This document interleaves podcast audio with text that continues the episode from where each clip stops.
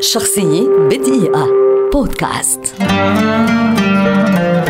أبو قراط فيلسوف وطبيب يوناني شهير ولد حوالي عام 460 قبل الميلاد ويعد من أبرز الشخصيات في الطب عبر التاريخ وهو سابع الأطباء العظام في تاريخ اليونان. سمي لدى العرب بالفاضل تكريما له عند ذكره ولقب بأبي الطب. اعترافا بإسهاماته في المجال الطبي ونظرا لتأسيسه لأول مدرسة طبية عملية عرفت لاحقا باسم مدرسة ابقراط الطبية إذ أحدثت هذه المدرسة الفكرية ثورة في الطب اليوناني القديم حتى أصبح الطب ذا نظام متميز عن المجالات الأخرى التي ارتبطت به تقليديا مثل السيمياء والفلسفة ليعرف بعدها كمهنة قائمة بذاتها كما هو اليوم.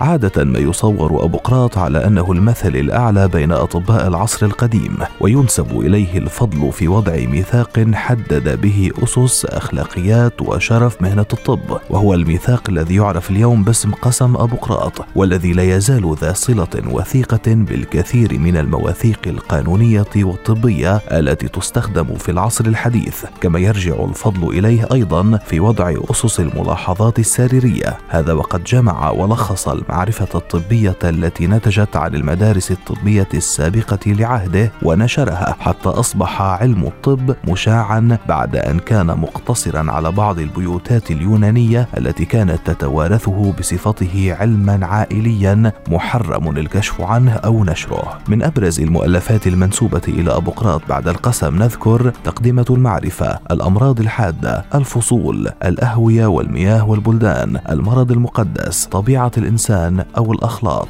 رحل أبو الطب أبوقراط حوالي عام 370 قبل الميلاد ولا يزال قسمه الشهير معمولا به حتى يومنا هذا ككلمة شرف لصون المهنة واحترام أخلاقياتها.